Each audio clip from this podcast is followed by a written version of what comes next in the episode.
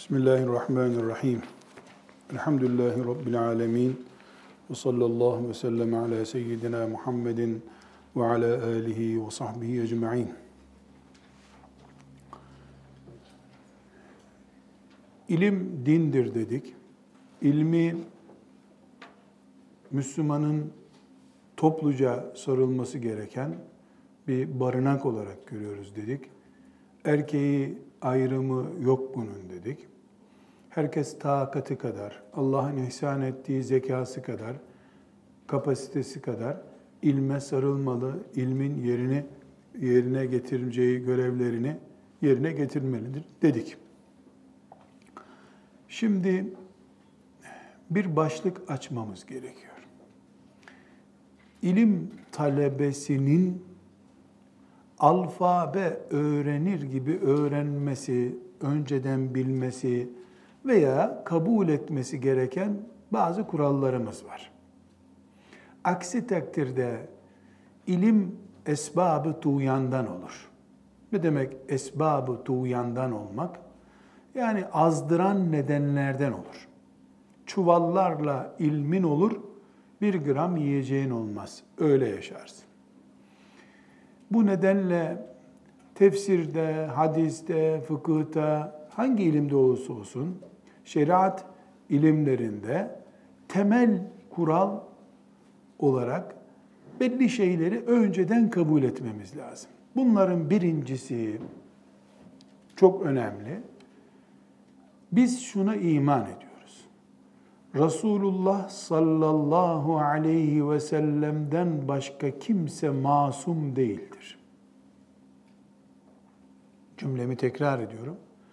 Resulullah sallallahu aleyhi ve sellem'den başka hiç kimse masum değildir.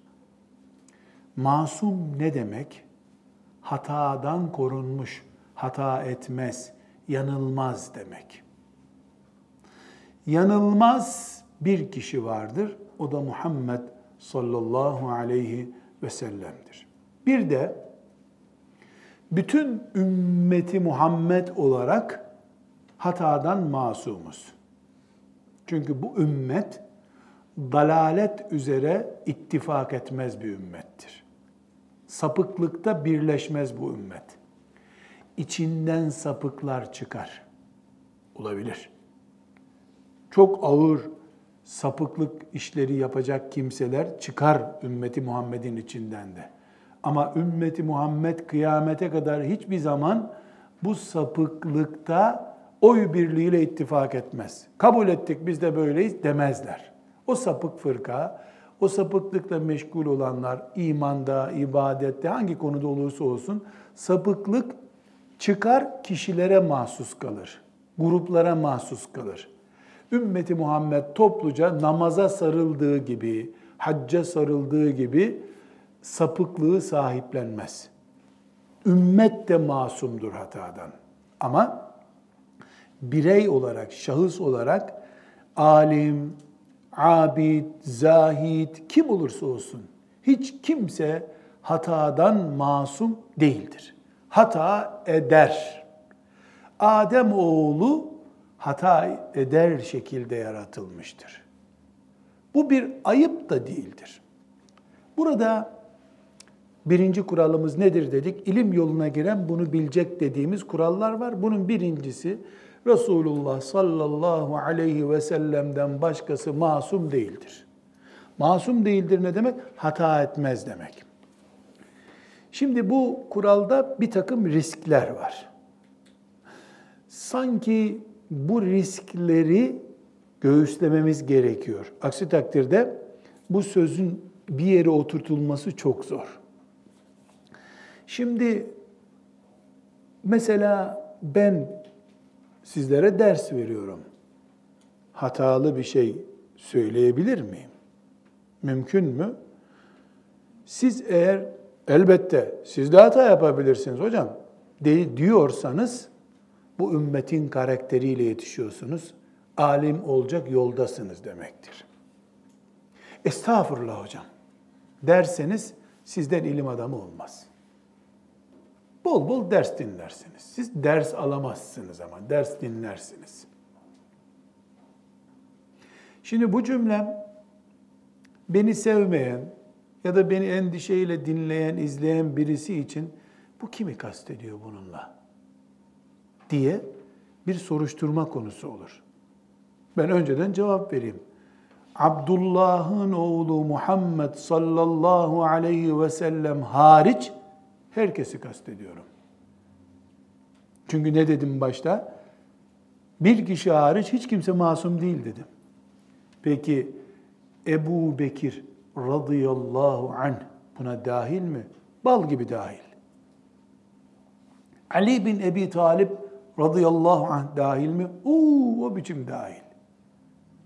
Ebu Hanife, Malik bin Enes, Ahmet bin Hanbel, Muhammed bin İdris Eşşafii, hem de en baş listede dahil onlar. Onlar herkesten çok hata ettiler. Çok iş yaptılar çünkü. Çok iş yapanın hatası da çok oldu. Estağfurullah. Ebu Hanife hata eder mi? Ebu Hanife peygamber mi? Haşa. Niye hata etmesin?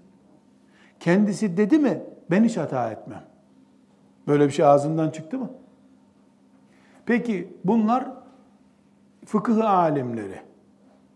E, tasavvuf erbabı, Allah dostu Fuzayl bin İyad, abid, zahid bir insan. Hasan Basri rahmetullahi aleyh, abid, zahid. Abdülkadir Ceylani rahmetullahi aleyh, zahid, alim, kerametleri herkesin gözü önünde ceryan etmiş birisi. Hatta denir ki kerameti herkesin gözünde cereyan eden, kitaplardan öğrenilmeyen tek insan Abdülkadir Ceylani'dir. Gerisi hep kitaplardan duyulmuş filan yerde kerameti var böyle diye. Böyle mesela tasavvufa e, yanaşmayan, tasavvufu benimsemeyenler bile Abdülkadir Ceylani'yi severler. O başka derler. O hariç diye başlıyorlar. Peki Abdülkadir Ceylani de hata eder mi? O biçim eder. İnsansa eğer. İnsansa. Aksi takdirde biz bir insanı ilahlaştırmış oluruz. Fark etmeden. Bu da bizim akidemize ters. Peki şöyle diyebilir miyim? Evet dediklerin doğru ama bizim hocamız hariç. Ya da bizim şeyhimiz hariç. Herkes öyle diyor zaten. Doğru. Bu, bu kural doğru ama bizimki haşa. Herkes bizimki dediği için gene kimse hata etmemiş oluyor. Hristiyanlar da papazlarına böyle yaptılar. Da ellerindeki din gitti bu sefer. Onun için kuralımız şudur. İnsan mısın? Sen de anne karnında 9 ay bekledin mi? Bekledim. Yiyorsun, içiyorsun, konuşuyorsun, melek değilsin. Evet, sen hata yaparsın. Peygamber haşa. Onu Allah korudu çünkü. Koruyacağına söz verdi. Yoksa o da insandı. Sahabiler o biçim hata yaparlar. O kadar büyük hataları ben mi yaptım da Kur'an'ın da haklarında niye böyle yapıyorsunuz diye. Ebu Bekir affetmiyorum bu suçu dedi. Ayet indi hakkında. Ha, estağfurullah affettim ya Rabbi dedi. Kaç tane ayet var Kur'an-ı Kerim'de ashab-ı kiramı ayıplıyor. Niye böyle yapıyorsunuz diyor. E şimdi sahabe masum değilse, bu zamanın bir alemi nasıl masum olabilir? Bu bir. İki, bu birinci paragrafın ikinci konusu. İtikatta leke oluşturmadığı sürece hiçbir alimin zahid, alim, mutasavvıf, şeyh, hiçbir insanın imanı ile ilgili bir sorun olmadığı sürece hatası onun değerini düşürmez. Artırabilir bile değerini. Hatasını anlar, bu hataydı der, benim asıl görüşüm budur der, değeri artar. Hatalarda inat, hatalarda ısrar etmek insanın değerini düşürür.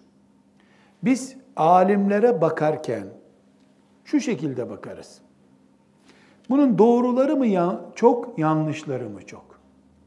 Eğer yanlışları doğrularından fazlaysa 10 sözünden 6 tanesi, 7 tanesi eğri büğrü şeyde ara sıra doğru söylüyorsa onun peşinden gitmeyiz. Ne kitabını okuruz onun, ne konuşmasını dinleriz. Dersine katılmayız. Hayır, 10 sözünden 9'u doğru çıkıyor. Bir tanesinde bu ayettir diyor. Halbuki ayet değil hadismiş o. Bunu Ebu Hanife dedi diyor. Halbuki Ebu Hanife dememiş. Yanlış nakil yapıyor. İnsan bu. İnsan bu. Makine değil. İnsan bu. Yorgunluk anına rastlar, dikkatinden kaçmıştır. Koca koca alimlerin bu tip hatalar var. Zehebi rahmetullahi aleyh sık sık ondan naklettiğim için onun ölçüsünü de kullanayım. Örnekler veriyor. Mesela bir zattan bahsediyor. Filan yerde diyor hafız yetiştirdi diyor. Hatıralarında naklediyor. 70 bin hafız yetiştirdim diyor o zat. Zehebi diyor ki olmaz diyor. Bu 70 bin insan demiş ama 70 kişiyi bin kelimesiyle karıştırmış diyor. Dalgınlığına rastlamış. Notlarını tutarken hata etmiş diyor. Allah affetsin diyor. Çok hafız yetiştirdiğini biliyoruz ama 70 bin hafız değil diyor. Sonra da dipnotta diyor ki Allah rahmet eylesin ikisine de. Kimse anlamasın ha ben bunu ayıplamadım diyor. Bundan dolayı bir alemin değeri düşmez bizim için diyor. Üstelik o diyor büyük bir alim diyor. Ne yapıyor? Tertemiz bir gömleğin var. Bir yerine toz konmuş. O tozu kaldırıyor oradan. Aa bu gömleği at demiyor sana. Çünkü gömlek dediğin tozlanır, kirlenir. Gömleği çöpe atmak gerekmez. Bir alim ne kadar büyük olursa olsun, onun hata yapmaması mümkün değil. Hata yaptığından dolayı da ne dinden çıkması gerekir ne de onun derslerini bırakmak gerekir. Tasavvufta da böyledir bu. Peygamber gibi şeyh olmaz. İnsan gibi şeyh olur. Hatalarını atarsın, gerisini ondan alırsın. Mühim olan akidede, imanda bir terslik olmamasıdır. Kadere iman etmiyor ama büyük bir alim. Okyanus olsa ondan bir bardak su almayız daha. Neden? E, aslı yok bunun. İmanında sıkıntı var. İmanında sıkıntı olan birisinin ilmini ne yapacağız biz? Böyle bu şekilde düşünüyoruz. Şimdi burada bunu belgelendirecek e, örnekler size vereceğim. Neyi? Peygamberden başka herkes yanlış iş yapabilir. Bunu. Ama imansızlık yapmaz maazallah. Ashab-ı kiramda ileride fıkıhtan örnekler gördüğümüzde göreceğiz. İbni Abbas'ın görüşü böyle. İbni Mesud'un görüşü böyle. İbni Mesud dedi ki onlar yanlış söylüyor. Hep bu görüşleri duyacağız böyle. Onların bu görüş farklılıklarından dolayı da mezhepler çıktı ortaya. Şimdi sahabi diyor ki bunu kullanmak caizdir. Öbür sahabi olmaz, kullanamazsın diyor. Hangisi bunların sapık?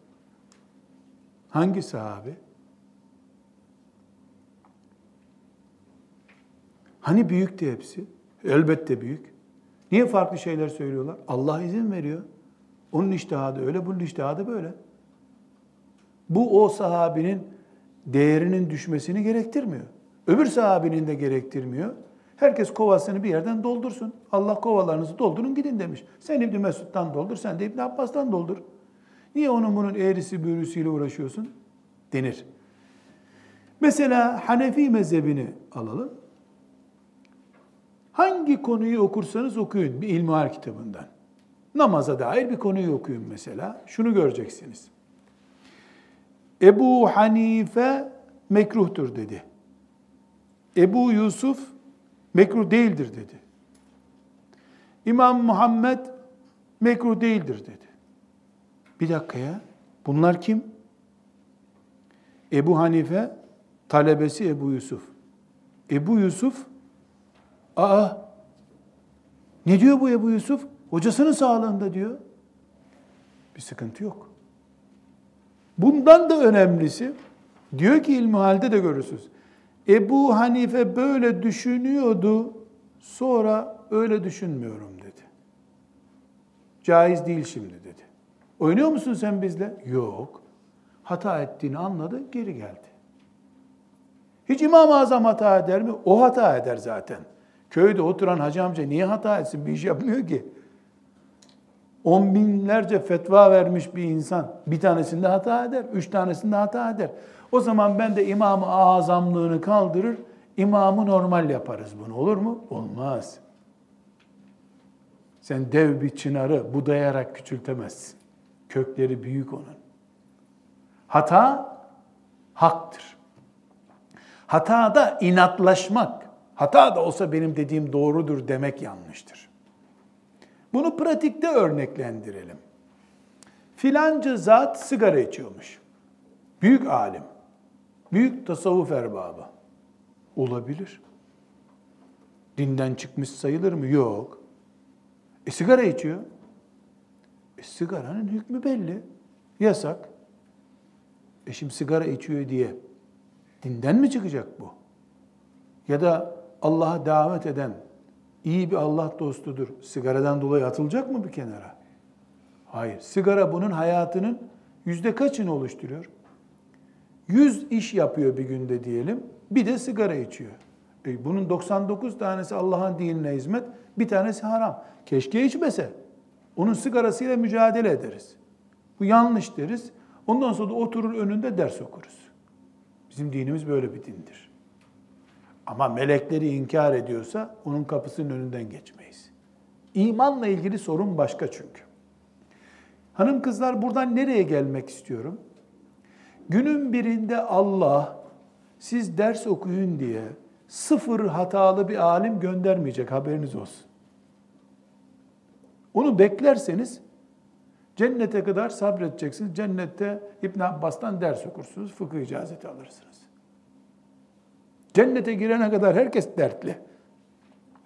O zaman mumunun içinden balı süzmeyi bileceksiniz. Bal böyle arıdan mumun içine geçiyor. Sen bal yemek için onu süzmen gerekiyor. Kabuğunu soyup portakalı yemeyi bileceksiniz. Kabuksuz portakal istiyorum ben dersen cennette olacak inşallah. Dünyada kabuksuz portakal, mumsuz bal yok. Mumsuz bal var. Nerede var? Kavanozda var ama reçel mi bal mı nereden yapıldığı belli değil. Fabrikada yapılmış. Kusursuz alim aramıyoruz biz. Az kusurlusunu arıyoruz. Bir menkıbe anlatacağım. Menkıbe dedim ne demek? Ayet değil, hadis değil. Böyle bir işte ben mesela hafızlık yaparken dinlemiştim bunu hocalarımdan. Hala kendime bundan ders çıkarıyorum. Bir zahit Allah dostu müritleriyle beraber tekkede ibaret ediyorlar. Bir kişi, beş kişi, on kişi ibaretler. İşte tasavvufta şöyle bir şey var. Ee, bir noktaya geldikten sonra küşufat, zuhurat oluyor sana. Mesela normal gözle görünmeyenler rüya aleminde ilhamlarla gösteriliyor sana. Bunlar ayetli hadisli şeyler değil. Tasavvufta böyle bir merhale var. Yani inanılır ki, inanırlar ki tasavvuf erbabı işte mesela belli bir noktaya geldin mi o noktadan sonra karşındakinin durumunu anlarsın. Gözünü okur. Bu inkar edildiğinde dinden çıkaran bir şey değil. Yani böyle olduğunu onlar söylüyor da ben de duyuyorum. Hadiste, ayette görmedim böyle bir şey. Bu bir keramet midir? Ne kabul ediliyor bilmiyorum. İşte bu böyle bir şey var yani.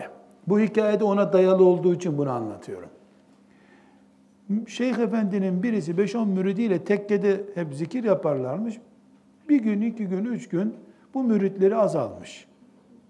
Bir kişi kalmış sonunda.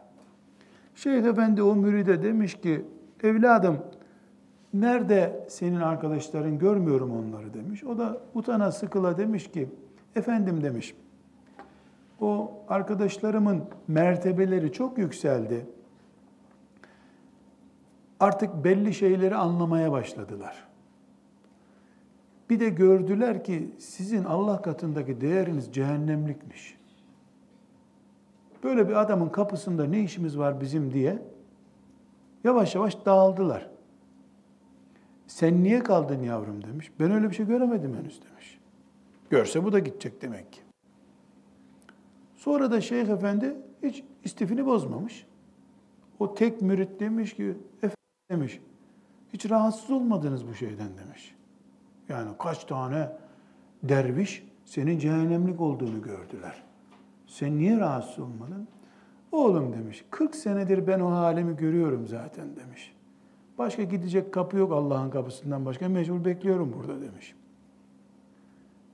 Sonra o kaçan müritlerine şeyhin yeni durumu gösterilmiş. Meğer kendisini böyle kabul edip tövbe istiğfara yanaşıp yanaşmayacağı imtihan ediliyormuş şeyhin de. Müritler tekrar gelip şeyhim özür dileriz diye kapısına kapanmışlar. Buradaki hikaye bizi nereden ilgilendiriyor? Doğru olan budur. Böyle bir şey oldu mu olmadı mı bilmiyorum. Çok da olacağı aklımı almıyor. Çünkü onu o makama gelen biri bırakıp gidecek bir adam olmaz zaten. Hikayenin içinde terslikler var. Kendisinin de birileri tarafından görüleceğini anlıyor olması lazım o müritlerin. Ama her halükarda, her halükarda mantığı doğru bunun. Yani insan budur.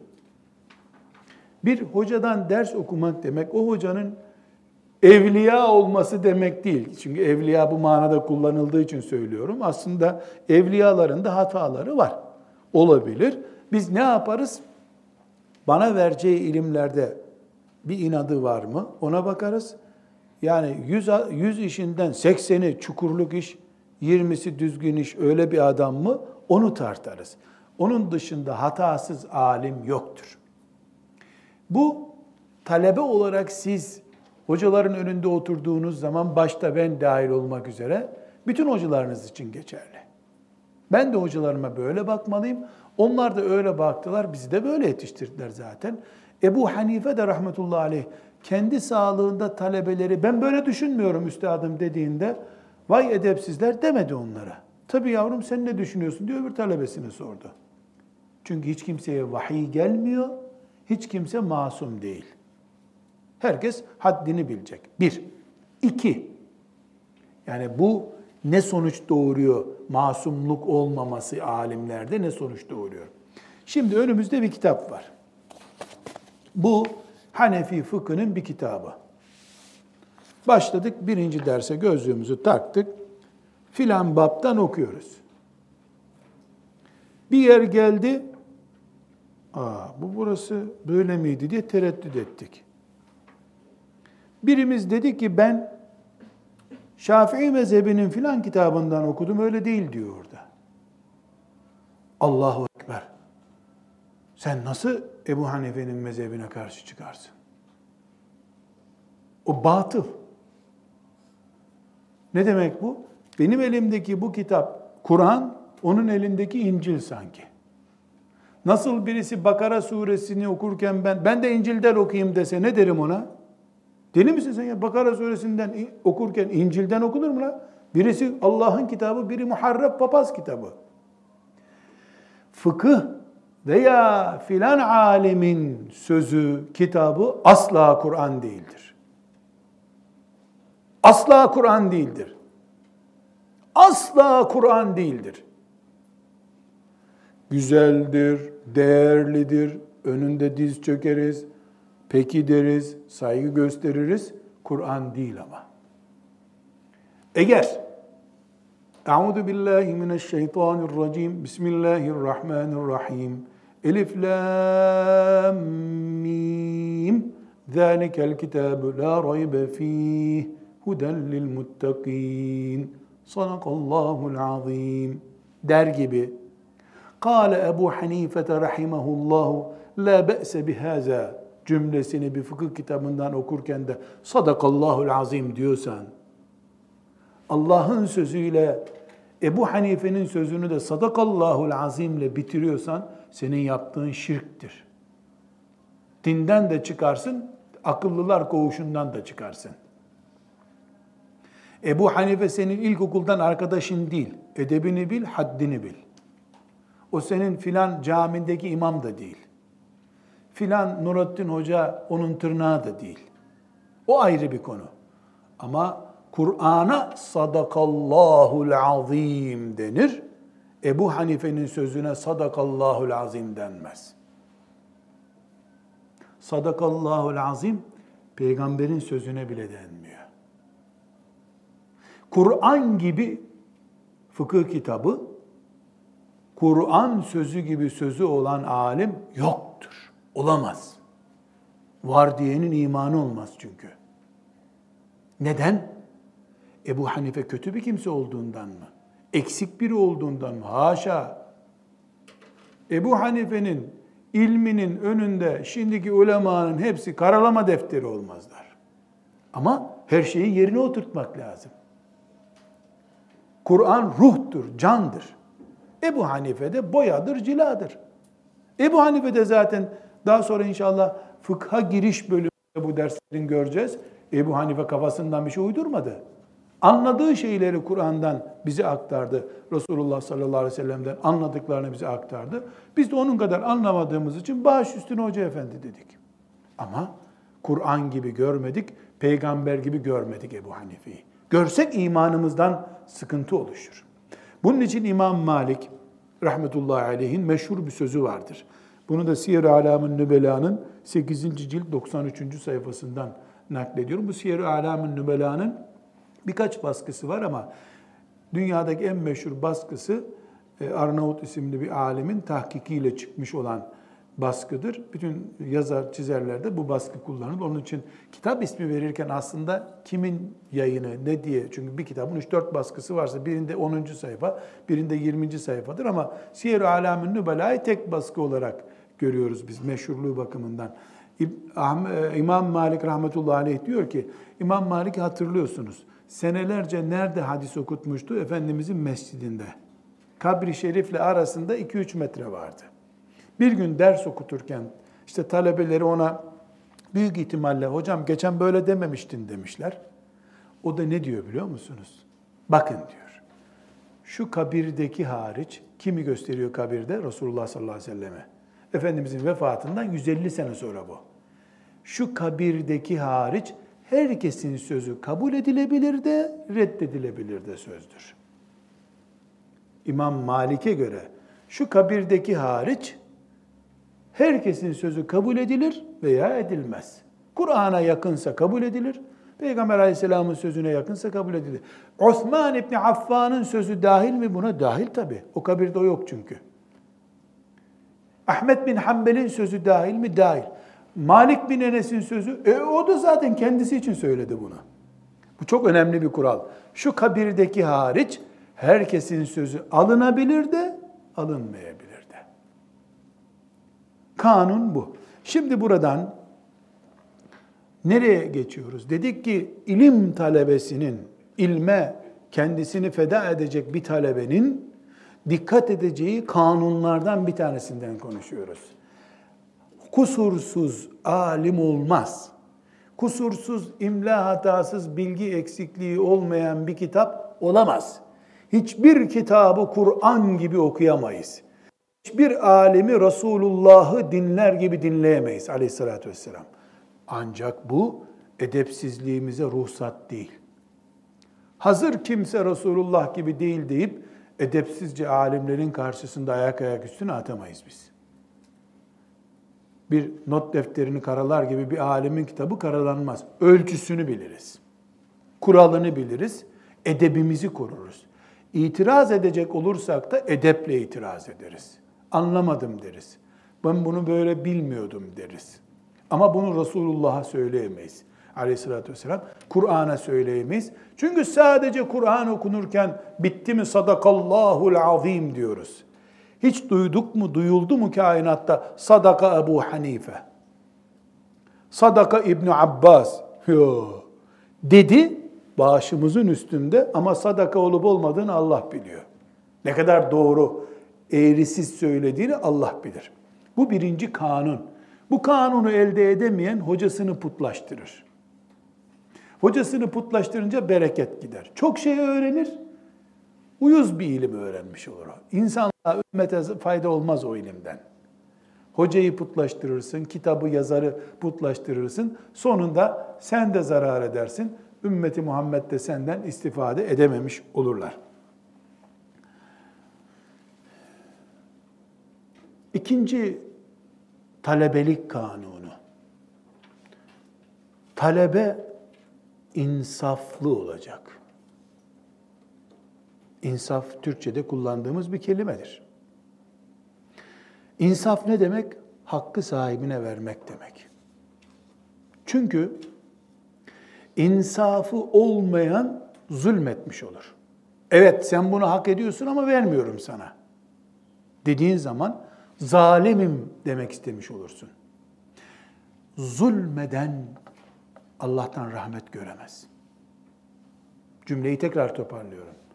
İlim talebesi ki herkes ölünceye kadar talebedir aslında ki alim de olsa, müteallim de olsa talebesin sen kardeşim. Çünkü ilmin sonu yok. Ne dedik? İlim bizde ömür projesidir. Zehebi de olsan, İbn Hacer de olsan son nefesine kadar. Nitekim yine Siyer-i Alam'ın Nübela'dan bir nakil yapacağım. Birisinden söz ediyor, tabiinden, sonraki bir nesilden. Ondan önce demek 3. veya 4. asırdan. Son gününde dediler ki çok ağır. Ziyarete gittim diyor. Çok büyük bir alemi ziyarete gitmiş. Oo hoş geldin, hoş geldin. Otur demiş ona. Can çekişiyor baktım.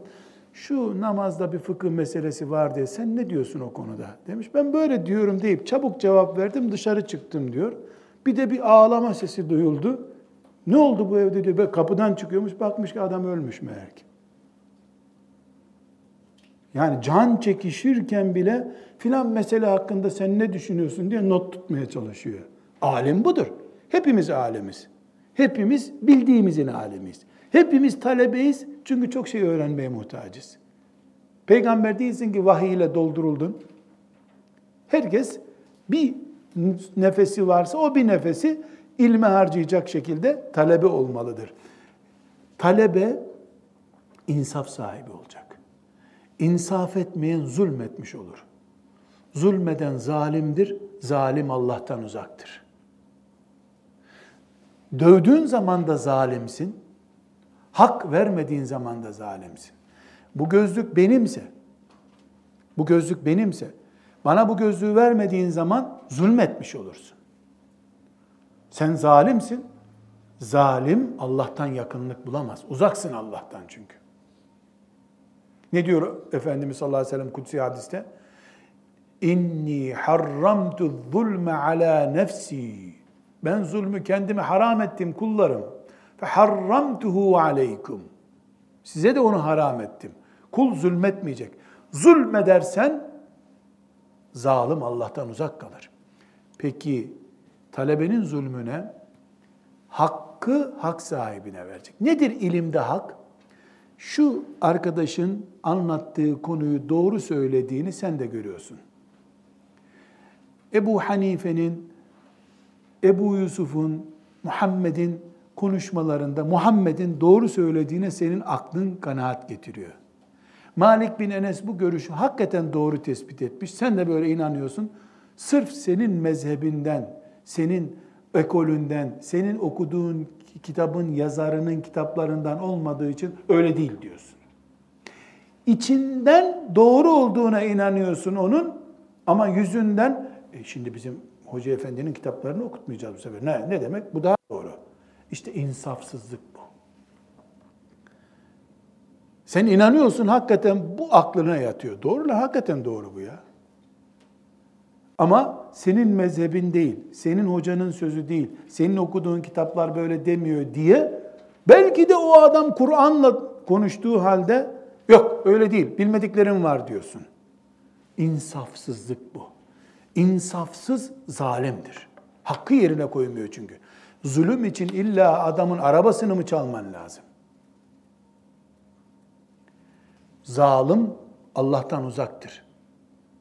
İlimde zulmedersen, adalette zulmedersen Allah'tan uzak kalırsın.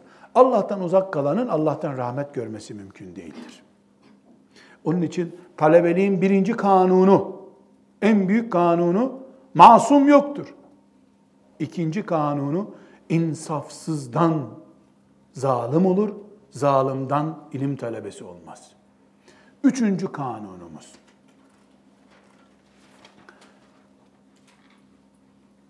Telbis-i İblis diye bir kitaptan sık sık söz ediyoruz.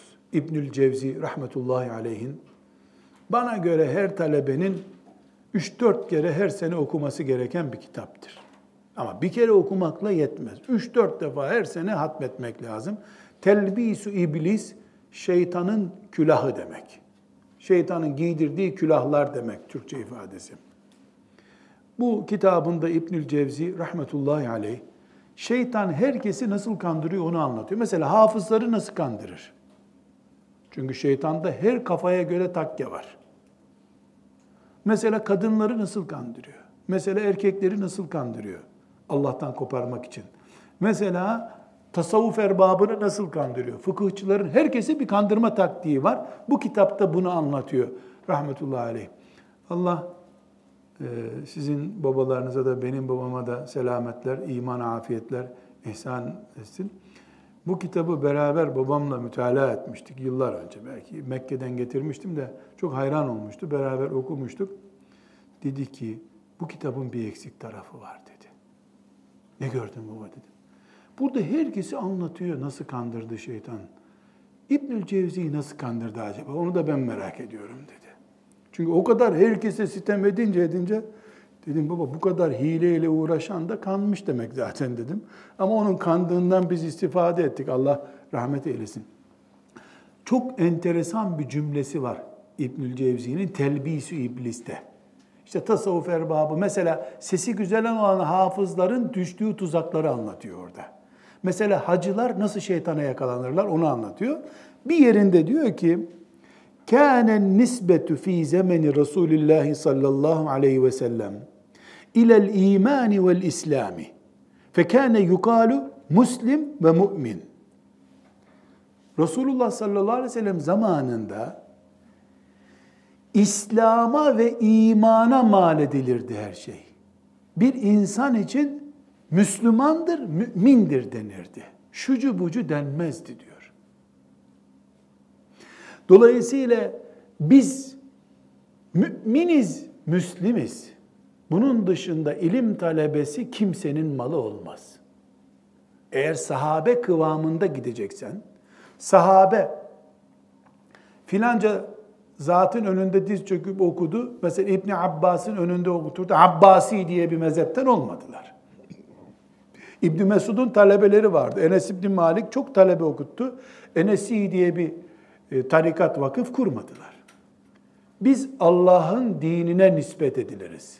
Nispet etmek ne demek? Kimlerdensin sen? Mesela nerelisin? Çorumlu diyor. Nerelisin? Kayserili diyor. Nerelisin? İstanbullu diyor. Biz ilim öğrendikçe bize ilim öğretenlerin adamı olmayız. Çünkü Allah'ın kulu olmak, mümin olmak, Müslüman olmak yegane adımız, kalıbımızdır bizim. Eğer filancacılık da bir tür Müslümanlık gibi bizim karakterimizi oluşturuyorsa o zaman İslam'dan daha değerli bir şey bulduk demektir biz. Böyle vehmettik demektir.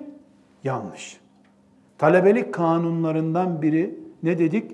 Masum yok. İki, iki ne dedik? İnsafsızlık yok. Üçüncüsü İslam ve imandan başka kimsenin bir şeysi değiliz biz. Ebu Hanife'nin medresesinin paspasıyız inşallah.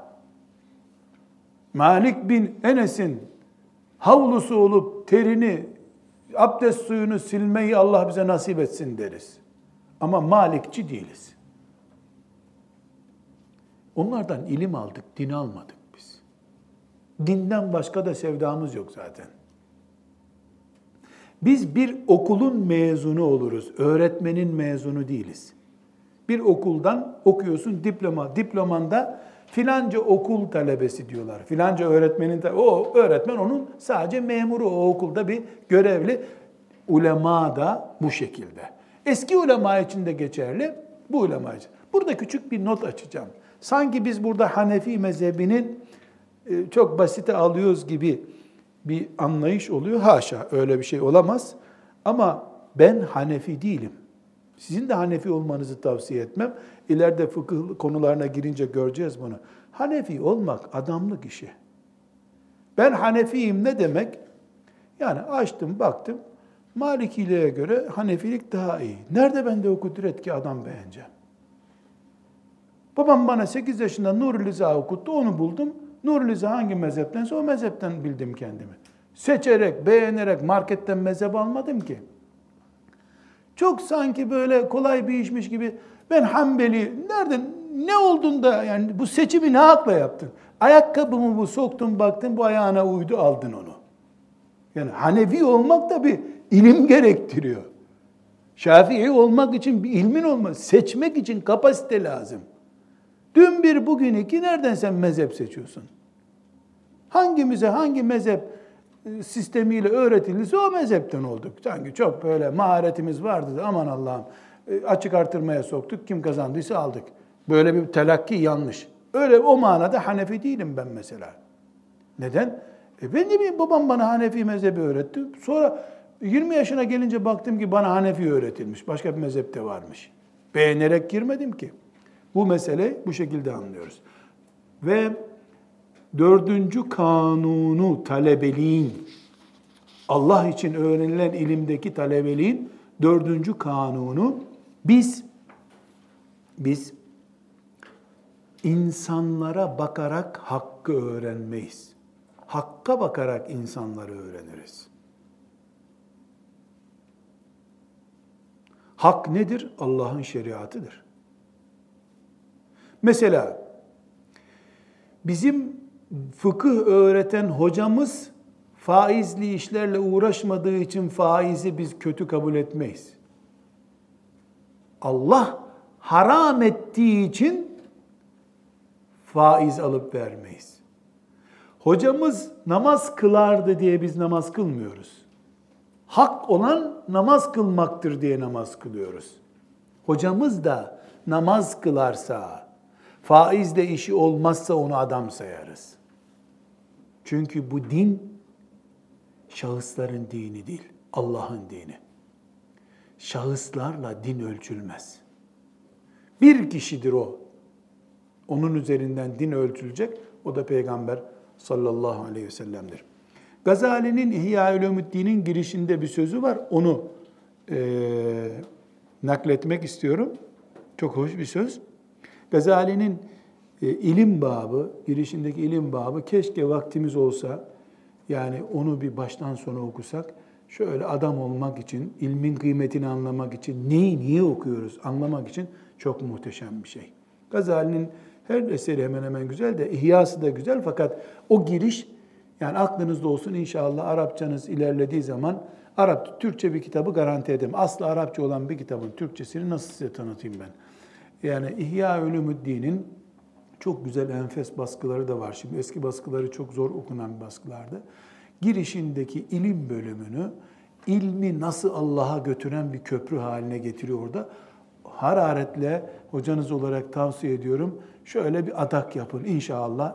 Arapçam ilerleyince ilgişim İhya Ulumuddin'den Gazali'nin ilim bölümünü, giriş bölümünü okuyacağım diye bir nezir yapın böyle. Pişman olmazsınız.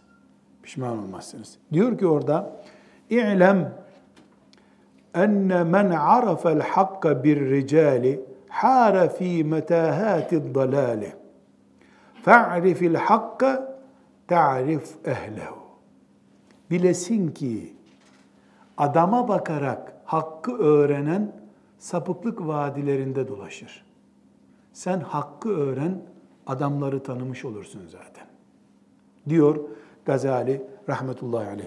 Molla Ali Gülkari diye bir e, alim vardır. Hanefi ulemasının Şafii'dir biliyor. İhya Ulumuddin'in sahibi Gazali Şafii'dir. Rahmetullahi aleyh. E, Molla Ali Gülkari e, Mirkat isimli çok güzel bir şerhi vardır.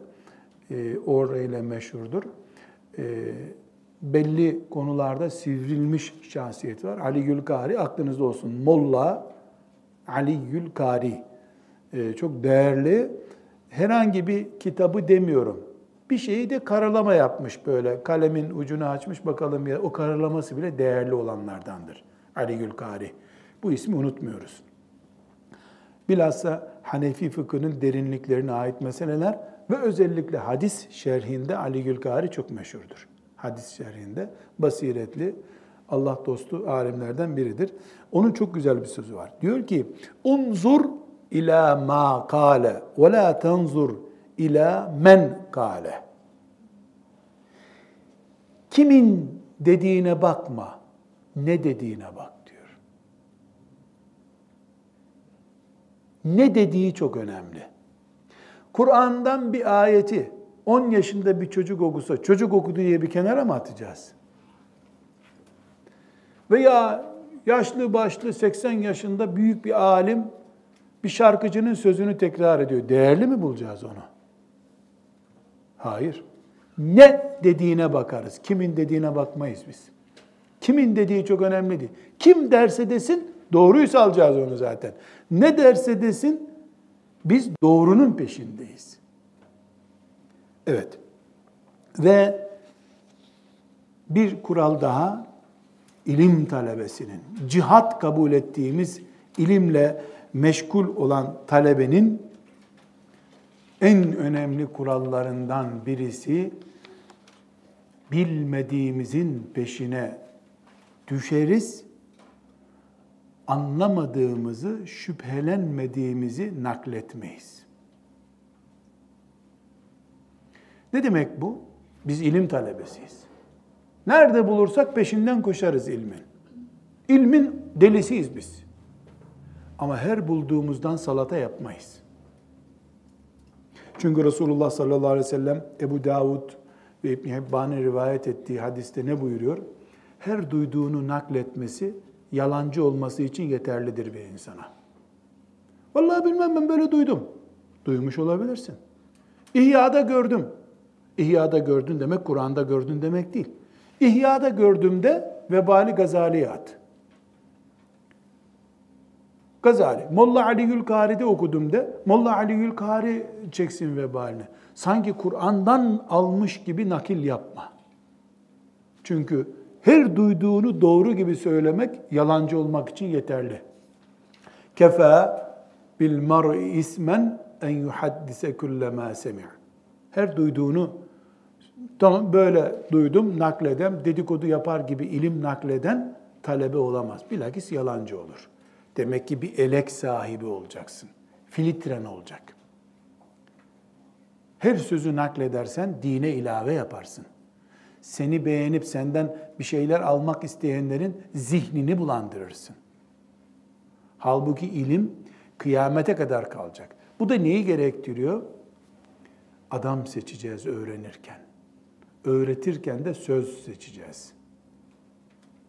Çünkü İbn Mesud'a kadar nakledilen bir söz vardır ama tabi'in ulemasında e, çok yaygındır. İnne hazel ilme dinun fenzuru mimmen te'khudûne dînekum. İnne hazel ilme dinun fenzuru mimmen te'khudûne dînekum. Şu ilim dindir, din. Dininizi kimden aldığınıza bakın. Ne büyük tavsiye bu. Neden?